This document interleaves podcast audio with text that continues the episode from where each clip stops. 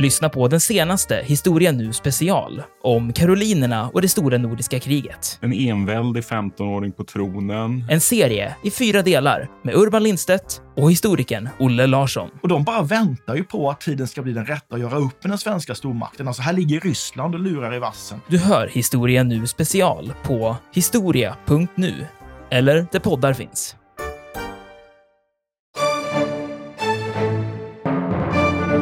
Man vill ju veta vilka dödade vilka, varför gjorde de allt det här? Och då har man hittat ett romerskt guldmynt i ett stolphål. Och visst, det kan man ha kommit över på tusen olika sätt, men konspirationsteoretiskt går det ju inte att låta bli att tänka att det kan vara legionärer som har återvänt.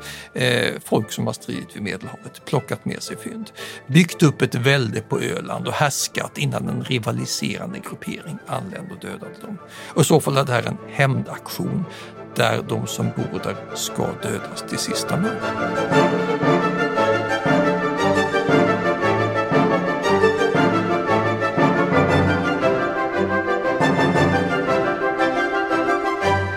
Välkomna till Harrisons dramatiska historia och till mig Dick Harrison, professor i historia vid Lunds universitet och till mig, Katarina Harrison Lindberg, som skriver historisk facklitteratur och eh, sagor numera. Och nu har vi kommit till lämningar efter människans försvarsbehov, fornborgar under den här epoken. Och då drar jag mig osökt till minnes en bok du och jag skrev för många år sedan som hette 101 föremål i Sveriges historia. Där vi båda två, framförallt du, fastnade för ett föremål som man hade hittat i en fornborg. Ja, ett väldigt otippat föremål. Vi kanske ska säga så att den här boken den skulle visa ja, föremål av olika sort och de skulle finnas utställda på museer runt om i Sverige. Precis, och just det här föremålet det finns på Historiska museet i Stockholm. Ja, och det eh, är en bulle. bulle. Ja, den Sveriges här, äldsta. Det, ja, antagligen är det Sveriges äldsta bulle. I alla fall, det, det, har nog inte hittats någon som är äldre i alla fall. Den verkar ha bakats någon gång mellan 500 och 800 efter Kristus. Och eh, om man nu går till museet och tittar på den här bullen så ser man att den är inte så stor. Den ryms, du kan ta den i handen och så ryms den i, i din handflata. Det är den storleken som den har. Och så är den alldeles mörk, riktigt mörkbrun, nästan svart. Och ytan är lite matt och, och, lite ojämn men det är tydligt att det är en sån här bulle som man har format i handen och gräddat den. Och den ser ju helt eh, oätlig ut, stenhård skulle jag säga. Och eh, jag menar, hade den gjorts idag så hade den varit fullständigt bränd till sot. Så ser den ut. Det här kan väl ha förändrats kanske lite grann under årens lopp. Den har ju trots allt legat ja, ute under jorden under rätt många år. Men eh, man kan väl mycket väl tänka sig att den här bullen kanske var blev bränd så man åt aldrig upp den. Och det är därför vi har den kvar. Och det är därför vi har den kvar. Men det roliga här då, vi ska inte prata om bullar utan vi ska faktiskt prata om fornborgar. Det är att den här bullen, den hittades i en fornborg som heter Boberget på Vikbolandet i Östergötland under utgrävningar där under åren 1906 till 1909. Och inte långt ifrån där man hittade bullen så hittade man också en handkvarn så eh, det, det, mjöl som man malde på den här kvarnen har ju säkert gått in i bullen, så att säga. Starka kvinnoarmar, trälkvinnor kanske som malde där och så blev det en oätlig ja, bulle. Ja, det var ju kvinnoarbete att mala och baka, så det var säkert kvinnor som fick göra det här. Och att just, just malning som du sa, det var trälarbete för det var ju tungt och slitsamt. Och därmed lär vi oss att folk bodde i den här fornborgen. Det ja. var inte bara tillflyktsort utan det hade man alltså livsmedelsproduktion åtminstone. Mm. Och det vet man inte från alla fornborgar så att det är lite speciellt att man har lyckats gräva ut det här och hitta det just på Boberget. Men ehm, för fornborgar är ju precis, det är inte nödvändigt att man bor där. Det var försvarsanläggningar. De anlades på, på många håll under den här perioden. Eh, för det var oroliga tider och folk behövde platser att söka skydd på. Ja, när vi talar om det tidiga medeltiden, folkvandringstid, så tänker man gärna att det är plundringshorder som drar fram och det är mycket krig. Och på den punkten har vi helt rätt. Vi vet att det förekommer mycket oroligheter. Efter att romarriket har fallit, när det många nya kungariken etableras, eh, så uppstår ett försvarsbehov som är lätt avläsbart från Medelhavsområdet hela vägen upp till våra breddgrader. Avläsbart i kulturlandskapet. Och på engelska talar man om hill forts i Italien talar man om inkastellamentofasen. Folk bosätter sig i kastell, flyttar upp på kullar, vill skydda sig och gärna bo högt upp eller om man nu bor i ett platt landskap med höga ringmurar runt omkring. Och det här vet vi inte bara från arkeologin, vi vet det från skriftliga källor också. Paulus Diakonus, langobardernas 700-talskrönikör, han berättar till exempel att när avarerna kom, alltså steppnomader som bodde i nuvarande Ungern och Kroatien, när de anföll nordöstra Italien, då flydde man upp till befästa byar, i Bligo till exempel, där man eh, hade krigare som kunde skydda dem. Och så de, de här platserna i Bligo just heter Invelino idag och är utgrävt så att vi kan se att det verkligen funkade så. Det här var ett skyddsbehov som hade gjort att folk hade flyttat upp för att skydda sig desto bättre. Vi har tidigare i den här poddsäsongen varit inne på South Cadbury i England. Ett sånt där hillfort, kullbefästning, som man då har försökt identifiera med kung Arthurs Camelot. Och det kan vi ju sätta frågetecken framför. Men att folk använder sådana här kullbosättningar för att försvara sig från Italien hela vägen upp till England. Det är alltså synnerligen välbelagt arkeologiskt. För poängen med att söka skydd på en kulle, det, det var naturligtvis att dels är det har man tagit sig innanför murarna eller palissaderna eller jordvallarna eller vad det nu är som skyddar på den här kullen så har man en jättebra utsikt. Man ser om någon kommer och eh, motståndarna har ju naturligtvis svårt att inta någonting som ligger, de måste ju slåss i en uppförsbacke. Ja, sunt förnuft helt ja. enkelt. Och sådana här eh, strider i kultterräng, de är också välbelagda i dåtida krönikor. Så vi har alltså både arkeologi och skriftliga källor som visar att det här blev ett nytt element i mänsklighetens tillvaro. Fornborgar, pittoreska kullstäder, ibland hela biskopsdömen som flyttar upp. Jag menar, åk till Italien. Volsini byts ut mot Orvieto, Pestum byts ut mot Agropoli. Alltså man väljer att relokalisera bebyggelsen till en plats där man kan känna det lite säkrare att leva. Och det här kan man ju fortfarande se när man reser i Italien så ser man ju faktiskt städer som ligger just uppe på kullar. Ja, och i vissa fall är det gamla etruskiska platser men långt ifrån alltid. Många placerades där under tidig medeltid. Om man nu inte har en kulle så kan man ju lägga det på ett träsk eller mitt i en lagun och dika ut det och anlägga lite bosättningar på pålar och Varde, Venedig. Ja. Så det här är en epok då man tänker på försvar. Och om vi då flyttar blicken mot oss mot Norden. Då får man det som vi kallar för fornborgar.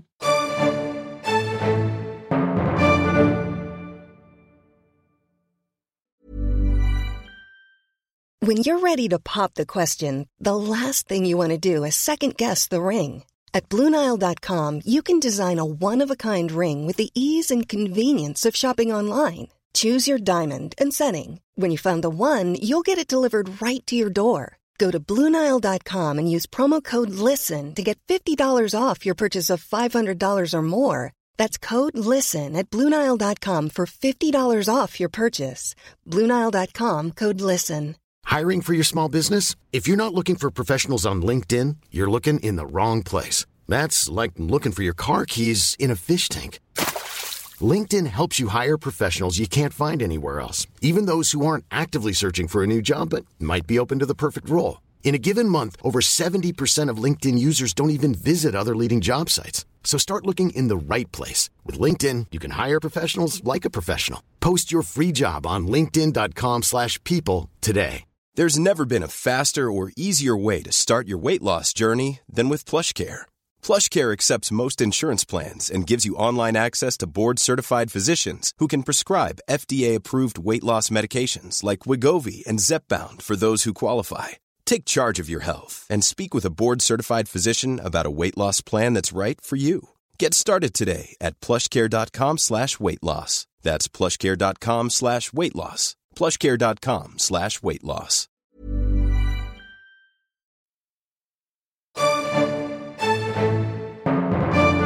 En hel del av de här, antingen anlades de under folkvandringstiden eller också återbefästes de under den här tiden och har faktiskt ännu äldre anor eller ännu äldre spår. Och de finns i flera svenska landskap och eh, Idag så hittar man dem ofta i naturskönt, i naturreservat, nationalparker och, och, så. Och det är inte alltid lätt att se dem. Man måste ibland ha ett ganska tränat öga för att det här ligger ju sedan lång tid i ruiner och i ett landskap som kan ha förändrats ganska mycket, blivit skogigt och, eh, så. Så att man, man får vara lite uppmärksam när man ska leta efter de här. Det är alltså perfekta besöksmål för var och en som har en liten hobby Indiana Jones inuti sig. Ge dig ut i valfritt naturreservat, skogsmark och försök hitta fornborgen och lös dess gåta. Och där kan du göra på cirka 1200 platser i Sverige. Ja, så de är inte särskilt få. Och fler kanske de blir för att eh, man hittar dem fortfarande faktiskt. Flest är de i mellanlandskapen. Ja, Sörmland i synnerhet, ja. dräller av dem. Över 300. Men det finns faktiskt i Finland. Mellan 70 och 90 stycken. De flesta finns på Åland.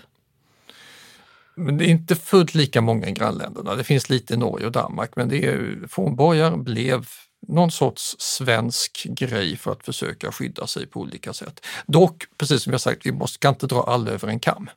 Vi måste verkligen undersöka fornborg för fornborg för att veta hur den funkade, om man bodde där permanent eller om det var en försvarsanläggning. Så vi ska ge oss in i fornborgsträsket nu. Vad har vi för något i vårt närområde? Vi håller ja. ju till i Skåne, här finns det inte så jättemånga. Nej, men vi har ju ett som ligger på Stenshuvud. Och det är en ja. nationalpark? Och eh, Stenshuvud är ju eh, det är en fantastiskt fin nationalpark. Eh, om man nu inte bor i Skåne eller man bor i Skåne så det ligger i närheten av Kivik. En jättestor höjd, kulle, som sticker upp i det skånska landskapet som ju annars är tämligen flackt. Med ljuvlig utsikt mot äppelodlingarna nere vid musteriet. Precis. Och eh, uppe på, på den här eh, jättehöjden så ligger en gammal fornborg från järnåldern och eh, den eh, mätte 280 gånger 270 meter och man, eh, man har ju en enorm utsikt över havet och även in mot land om man tänker sig att det inte finns träd och sådär i vägen då. Ja, går man dit på hösten när löven har börjat slå över i gult och rött så är det en fantastisk naturupplevelse. Det som också är praktiskt med den här fornborgen och väldigt många det är att den är omgiven av eh, alltså väldigt svårforcerad terräng. Så har man väl kommit upp och sökt skydd där så har man ju stup och kraftiga branter runt omkring. Så, eh, så den är svårintaglig. Mm. Så om man nu är i Skåne och vill se en riktigt häftigt belägen fornborg så åk till Kivik knata upp på Stenshuvud. Annars är det ganska ont om fornborgar just i det svenska landskapet. Det finns en som heter Hälleberga backe uppe i Göinge, Gumlösa socken. Det finns en vid Börringesjöns norra del i sydvästra Skåne. Det finns en som är ganska lätt att iaktta i Vallåkra, inte långt från Helsingborg. Men annars är det alltså, inte så där jättelätt att hitta dem just där vi bor. Men varför är det så då? Ja, så det har man frågat sig, men förmodligen beror det på samma sak som gäller bristen på fornborgar i Danmark. Att det är ett platt landskap och då bygger man hellre sådana här borganläggningar genom att resa palissader av trä av bekvämlighetsskäl. Det går lättare, snabbare och det finns inte så jättemånga höjder. Och trä är organiskt material. Det bryts ned, är lätt att bränna upp och därför har det inte överlevt. Mm. Vilket man då ska jämföra med andra landskap där man har gott om kalksten Ja. Till exempel Gotland, och alltså, Sveriges kanske största och mest imponerande fornborg som kan ses från långt avstånd är då Torsburgen. Den är 1,2 kvadratkilometer stor med en brant klintplatå, ibland 30 meter höga branter som då skyddade försvararna, där man bara behövde bygga en kallmur och kalksten på andra sidan. Men redan den är två kilometer lång. Så det är och alltså hög! Mycket hög. Och då får man tänka sig att det säkert träpalissader på den också. Och där har arkeologer jobbat och försökt utröna hur gammal den här fornborgen är. Men där hittar vi ingen bulle. Nej. Där hittar vi inga lämningar efter hus, inga byggnader. Och då kan man ju dra den tentativa slutsatsen att här har folk inte bott utan rusat upp för att söka skydd. Ja, precis. Man har bott på andra ställen och när man har behövt så har man sökt sig till den här fornborgen. Men den är nämnd. Den är nämnd i Gutasagan till exempel. Eh, den här gotländska historien om hur ön eh, blir till. Och, eh, Så man diskuterade den här fornborgen redan under medeltiden? Det Ja, var ett fornminne precis. redan då? Jag, kan, jag gillar Gutasagan, så får, får jag läsa Gör lite? det. Ja. Den är så himla eh, häftig, måste jag säga. Jag, ska, jag- ska läsa, jag läser bara lite grann. Så här låter Gutasagan om man läser den på Forngutniska? på forngutniska, så här lyder inledningen. Gutland hitti fyrsti mader dan som fjälvar hit. Där var Gutland så elvist att det dagom sank och nattum var uppe. En dan mader kom fyrsti eldiga land och sidan sank det aldrig.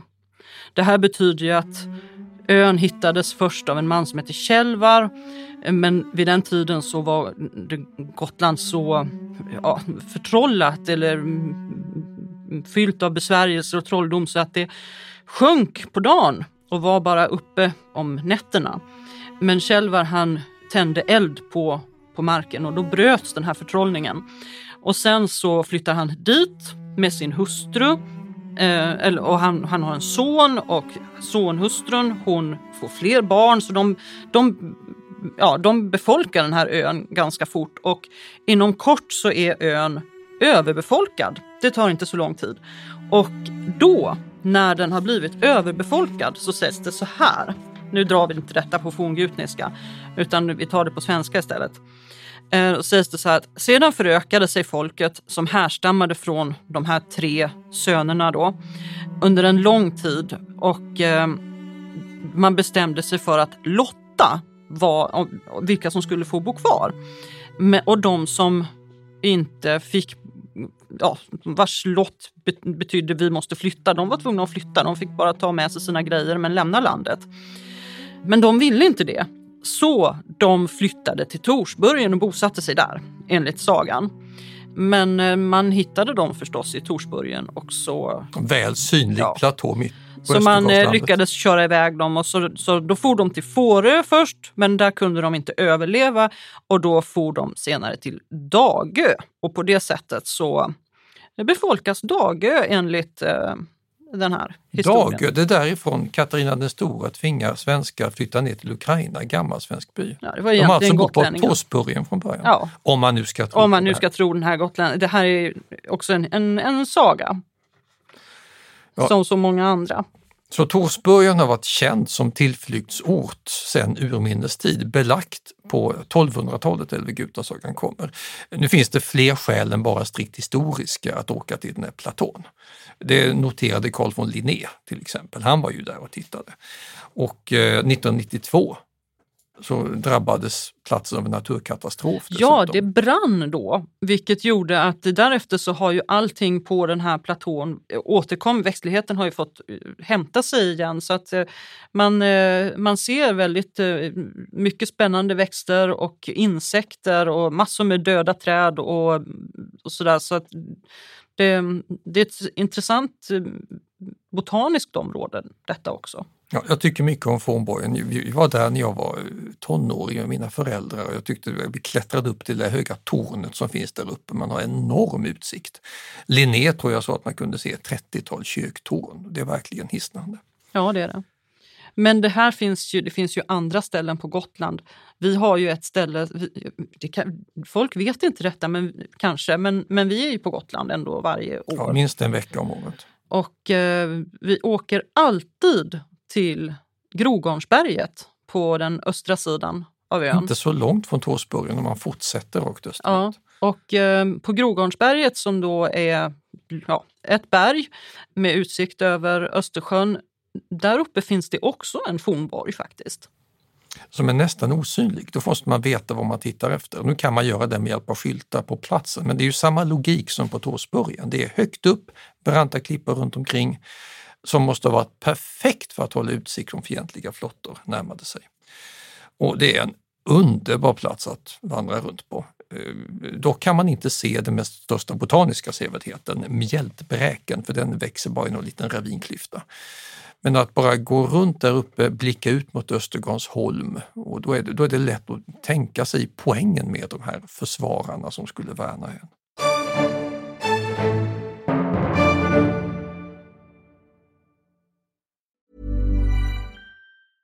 Jewelry isn't a gift you give just once. It's a way to remind your loved one of a beautiful moment every time they see it. Blue Nile can help you find the gift that says how you feel and says it beautifully with expert guidance and a wide assortment of jewelry of the highest quality at the best price. Go to BlueNile.com and experience the convenience of shopping Blue Nile, the original online jeweler since 1999. That's BlueNile.com to find the perfect jewelry gift for any occasion. BlueNile.com. Hey, I'm Ryan Reynolds. At Mint Mobile, we like to do the opposite of what Big Wireless does. They charge you a lot, we charge you a little. So naturally, when they announced they'd be raising their prices due to inflation, we decided to deflate our prices due to not hating you. That's right. We're cutting the price of Mint Unlimited from $30 a month to just $15 a month. Give it a try at mintmobile.com slash switch. $45 upfront for three months plus taxes and fees. Promote rate for new customers for limited time. Unlimited more than 40 gigabytes per month. Slows. Full terms at mintmobile.com. Planning for your next trip? Elevate your travel style with Quince. Quince has all the jet setting essentials you'll want for your next getaway, like European linen, premium luggage options, buttery soft Italian leather bags, and so much more. And is all priced at 50 to 80% less than similar brands. Plus, Quince only works with factories that use safe and ethical manufacturing practices. Pack your bags with high-quality essentials you'll be wearing for vacations to come with Quince. Go to quince.com slash pack for free shipping and 365-day returns.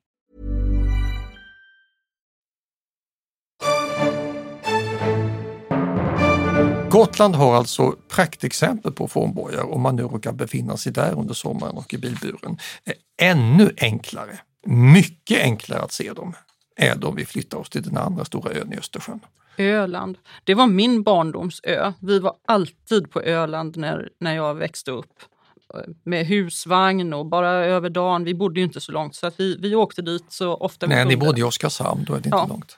Och eh, mina föräldrar var ju väldigt naturintresserade så vi tittade ju på, på växter och, och fåglar där framför allt. Men, eh, men även på fornborgar för de är ju uppenbara. De, där sticker de faktiskt upp i landskapet, många av dem fortfarande. Eftersom de inte har sådana jättemånga klippor så måste de bygga murar. Ja. Och de ligger kvar. Vi har till exempel Gråborg, väl synlig. Den är också stor, den har en diameter på ja, 162 upp till 210 meter faktiskt, så den är, den är rejäl. Och eh, på vissa håll, om man besöker den här borgen, så, så är det faktiskt så att eh, ringmuren är ja, men i princip lika hög som när den byggdes. Så att, eh, Den kan vara sex eller sju meter Ja. högre. Och när byggdes den då? Vet man det? Ja, troligtvis på 400-talet. Det har gjorts eh, utgrävningar och eh, det, så att eh, på 400-talet säger man väl. Men så har de ju den där lite mindre borgen som är full med massa husgrunder som ligger nästan exakt mitt på Ja, Öland. du tänker på Ismantorpsborg. Den är också fin att besöka faktiskt. Den ligger ju eh, mycket skogigare till. Så att eh, man parkerar bilen och sen så får, får man gå genom en sån här låg, buskig, öländsk skog. Fullt med blommor, orkidéer. Det är, är man där liksom i maj, juni så är det helt Vi otroligt. åkte dit på dagen efter att vi hade gift oss. Det gjorde Gifte vi. oss i eh, Kalmar slottskyrka och dagen därpå, vår första utflykt som ett gift par, gick till Ismantorpsborg och vi tittade på vad var det, krutbrännare eller vad de hette, de här Det små kan det orkidéerna. säkert ha varit. Jag fick jättebra bilder av Mm. dem i alla fall. Det är väldigt fint. Den, här, det är ju, en- den är inte så stor. Man går runt den på bara en liten stund och den, eh, den eh, har mängder med husgrunder inom murarna. Det är som ett labyrintsystem mer eller mindre. Jag tror att någon har räknat ut att det är 88 hus med bevarade grunder som har legat där inne, strikt geometriskt organiserat i en rund cirkel. Ja, fascinerande. Eh, Och har man lite tur så eh, kommer man dit och så är det inte så mycket folk där och så kan man gå runt och man kan eh, lägga ut en filt och ligga där och gona sig. Men vet man vad det här har varit då? Har folk bott här? Är det massa arkeologiska lämningar efter mänsklig vistelse, livsmedelsproduktion? Problemet är att trots alla husgrunder och att man kommer dit och så tycker man att det ser så välbevarat ut så det ser inte ut som att folk har bott där. Man har inte hittat en massa rester efter att människor har levt i den här borgen så det kan inte ha varit permanent bebyggelse. Och vi vet inte exakt när den är uppförd. För det, det man hittar är, det, är den här, det är sten man hittar och det är svårt att datera det. Och det är Eh. knappast så att man har ägnat sig åt intensiv avfallshantering och vräkt undan alla människofynd. Nej. Det, man har ju, det finns de som säger att Ismantorpsborg är byggd så att den ska påminna om ett romerskt härläger. Och det gör den ju, alltså med lite fantasi kan man ju säga det då, den här, den här runda, runda formen och sen massor med tält då på, på insidan fast det är tänker jag spontant på Albökemannen, den liten skulptur av en människa förvaras i Guldrummet i Historiska museet i Stockholm, hittad i Alböke på Öland och den här det är alltså en ölänning i romersk uniform som Mm. har säkert avbildat sig själv med. Eh, Kan det ha varit så att ja, ölänningar åkte säkert liksom många andra ner och tog värvning i romerska armén och någon kommer tillbaka och tänker att så här ska vi ha det här också. Och så ser han till att bygga upp det här som sitt eget lilla romerska härläger. Kan det ha gått till så? Du tror att det är Albökemannen som har byggt Ja, eh, eller en, en, en, en, en annan eh, drös eh, före detta legionärer som kommer tillbaka. Och sen när man har byggt färdigt det så bor man inte där. Det är ett, ett stort frågetecken i alla fall. Det här är bara deras man cave. Ja, vem vet? Ja, alltså blotta faktum att det här ligger lite som ett landat ufo mitt på Öland gör ju det här till ett sånt här mysterium som man bara måste fascineras av. Ja, det, det här är en av mina favoritplatser på Öland faktiskt. Jag, jag tycker det är mycket, mycket värt att besöka. Ser man däremot till möjlighet och tillägna sig lärdom på, som turist och mer besöksmålsinriktat så slås, menar jag, både Ismantorp och Gråborg ut av Eketorp på sydligaste Öland, för där har man byggt upp en hel del.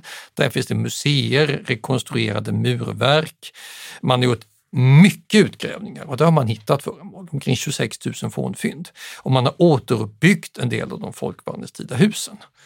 Just under tidig medeltid, alltså 400-500-tal, då kan man ha haft omkring 53 hus innanför en ringmur. Mm. Och då, det vet vi mycket, mycket mer om. Ja, att besöka Eketorp det är som att besöka ett, eh, ett, ett friluftsmuseum i princip. Det, är, det här är ju, man har ju återuppbyggt området till, till stor del ändå och så, så har man lite grisar och sådär och det är folk där. Så att eh, det, det är ett helt annat typ av besöksmål än vad Rismantorp och Gråborg är som ju är ändå övergivna platser. Men då har du ändå tre stycken ganska stora lättbesökbara fornborgar som ligger inte så långt ifrån varandra på Öland. Man kan ha en hel fornborgssemester på Öland och det tillkommer nya borgar hela tiden. Ja, du och jag var ju faktiskt på Öland och eh, presenterade böcker i, i Borgholms slottsruin av alla platser för Det är ingen fornborg, det är Eh, 1600-tal. Nej, det är det inte. Absolut inte. Så det, den, den har en annan historia som vi kan återkomma till. Men då var också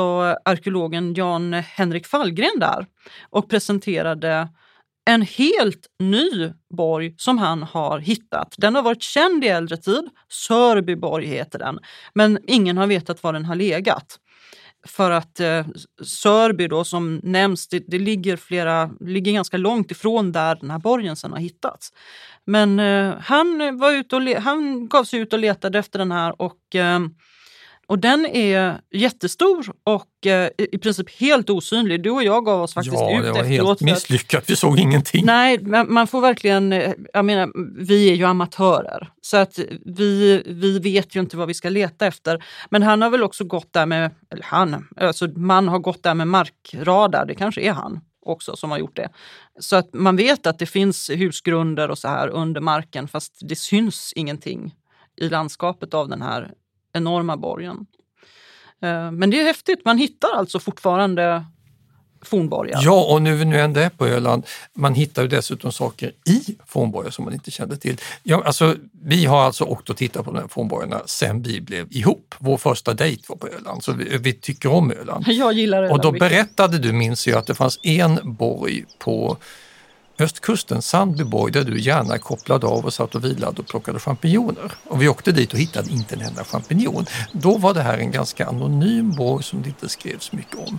Men just den här Sandbyborg, där hittade man ju verkligen stora Ja, eh, Sandbyborg ligger, precis som du säger, på sydöstra kusten. Vättern mot Baltikum. Ja, precis nere vid, nere vid vattnet. Så man eh, kör ner på en liten smal grusväg, ställer bilen på en pytteliten parkering och så går man till den här borgen som eh, och åtminstone då på den tiden när du och jag var unga, då var man ensam där. Ja, nu har man ju gjort massor med utgrävningar i Sandbyborg så att när vi var där första gången då visste man inte någonting om vad som fanns i borgen och vilka som fanns i borgen. Nej, Men det vet man nu och jag kan säga att jag kanske inte hade plockat champinjoner där då. Nej, för du plockar dem på lik. Ja, Sandbyborg vet vi numera har varit övergivet eftersom det blev tabubelagt.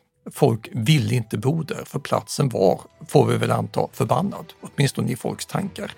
Omkring år 480 så eh, tog sig krigare, antagligen nattetid, in i anläggningen och massakrerade samtliga invånare.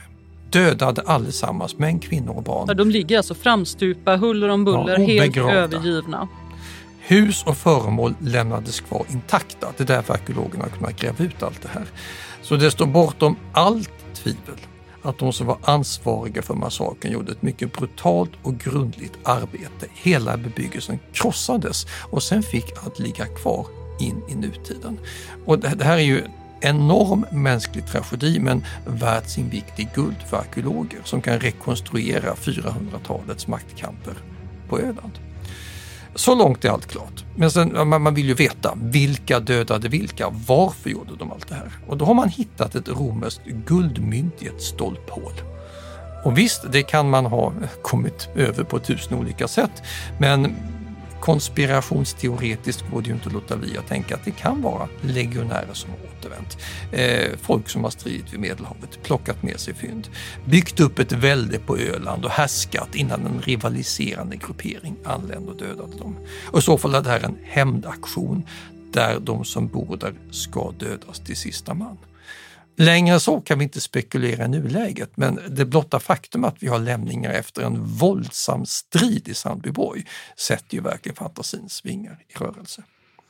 Ja, det är ju otroligt fascinerande faktiskt.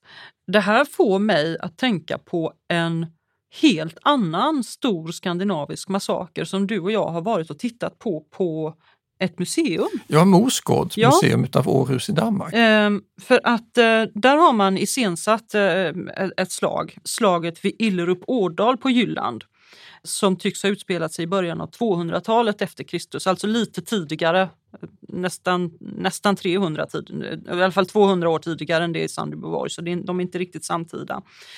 Och en här från dagens Norge invaderade Jylland och besegrades varefter segrarna firade triumfen med stora offer. Och idag finns det här alltså uppgrävt och utställt på Mosgård museum i Århus.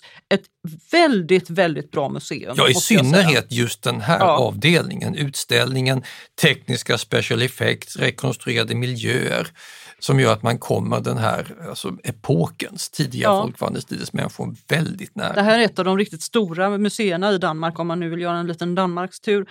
Till det som verkligen är, som man, som är häftigt med det här slaget, det är att vi vet vad Några av krigarna hette. några av krigarna hette för att de hade namnat sina vapen. Ja, med runor. Ja, så att eh, det finns namn.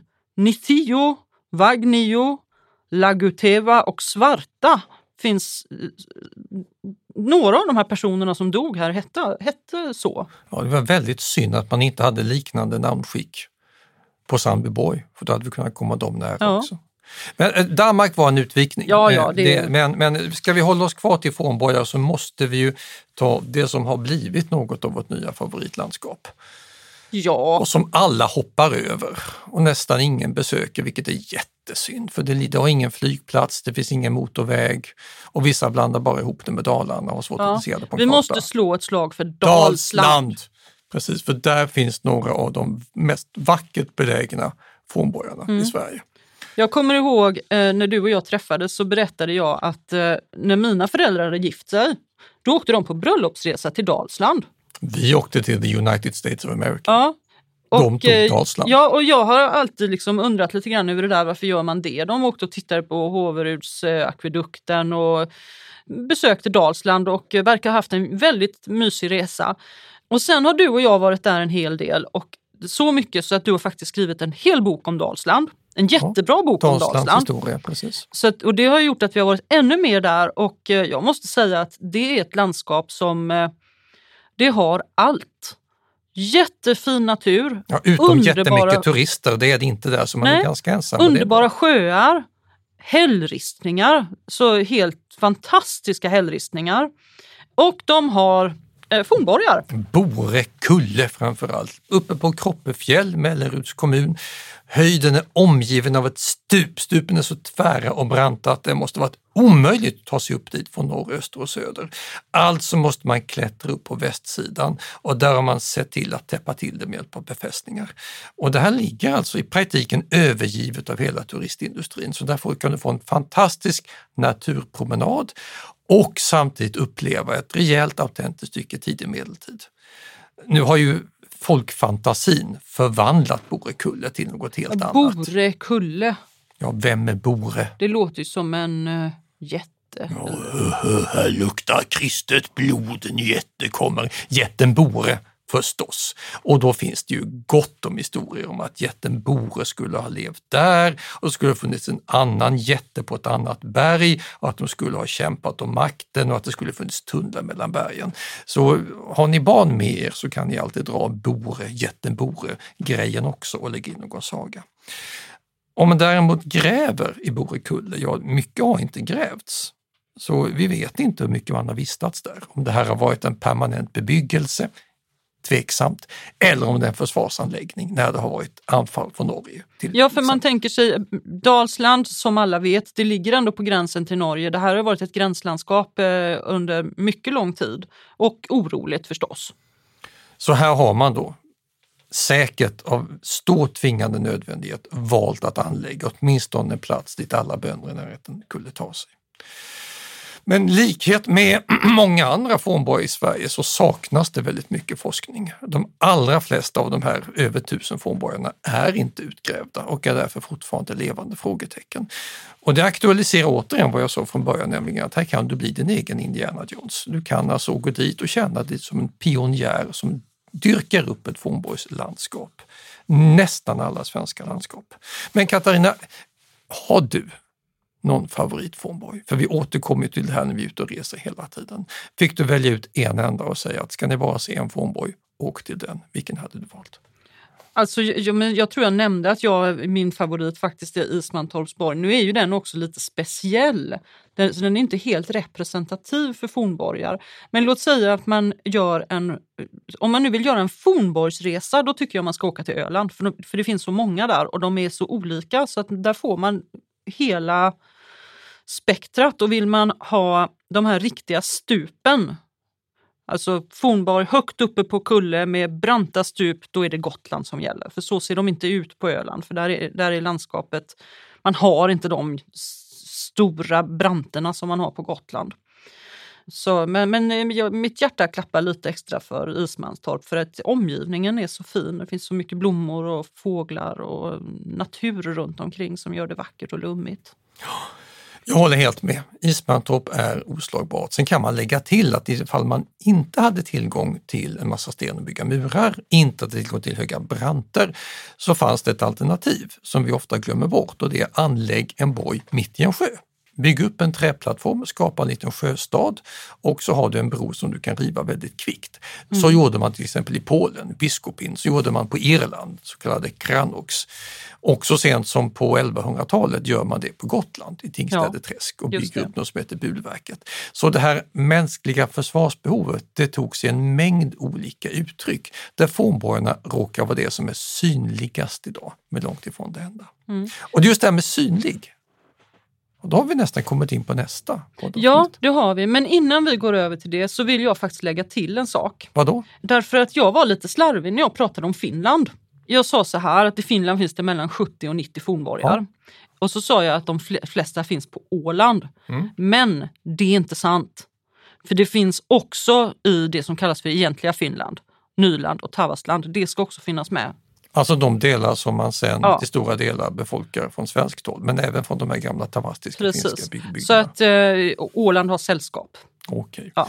Ja, då behöver vi inte oroa oss över att det blir fel i podden på den punkten. Nej, nej, det, det vore pinsamt om de ringer från Finland och skäller på oss. Särskilt som man kan åka och titta på de här gamla Ja. borgarna. De är synliga rester av tidig medeltid i vår del av Europa. Och nästa poddavsnitt där ska vi uteslutande ägna oss åt vad man faktiskt kan se.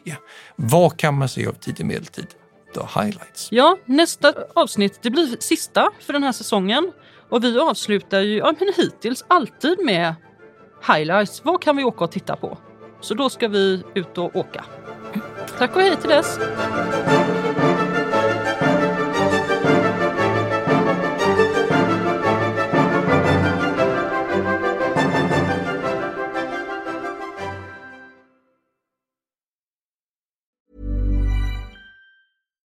Why don't more infant formula companies use organic, grass fed whole milk instead of skim?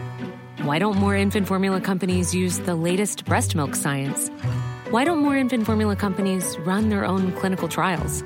Why don't more infant formula companies use more of the proteins found in breast milk? Why don't more infant formula companies have their own factories instead of outsourcing their manufacturing? We wondered the same thing. So we made ByHeart, a better formula for formula. Learn more at byheart.com. Hi, this is Craig Robinson from Ways to Win, and support for this podcast comes from Invesco QQQ, the official ETF of the NCAA. Invesco QQQ is proud to sponsor this episode and even prouder to provide access to innovation for the last 25 years. Basketball has had innovations over the years too. We're seeing the game played in new ways every day. Learn more at Invesco.com slash QQQ. Let's rethink possibility. Invesco Distributors, Inc. Planning for your next trip?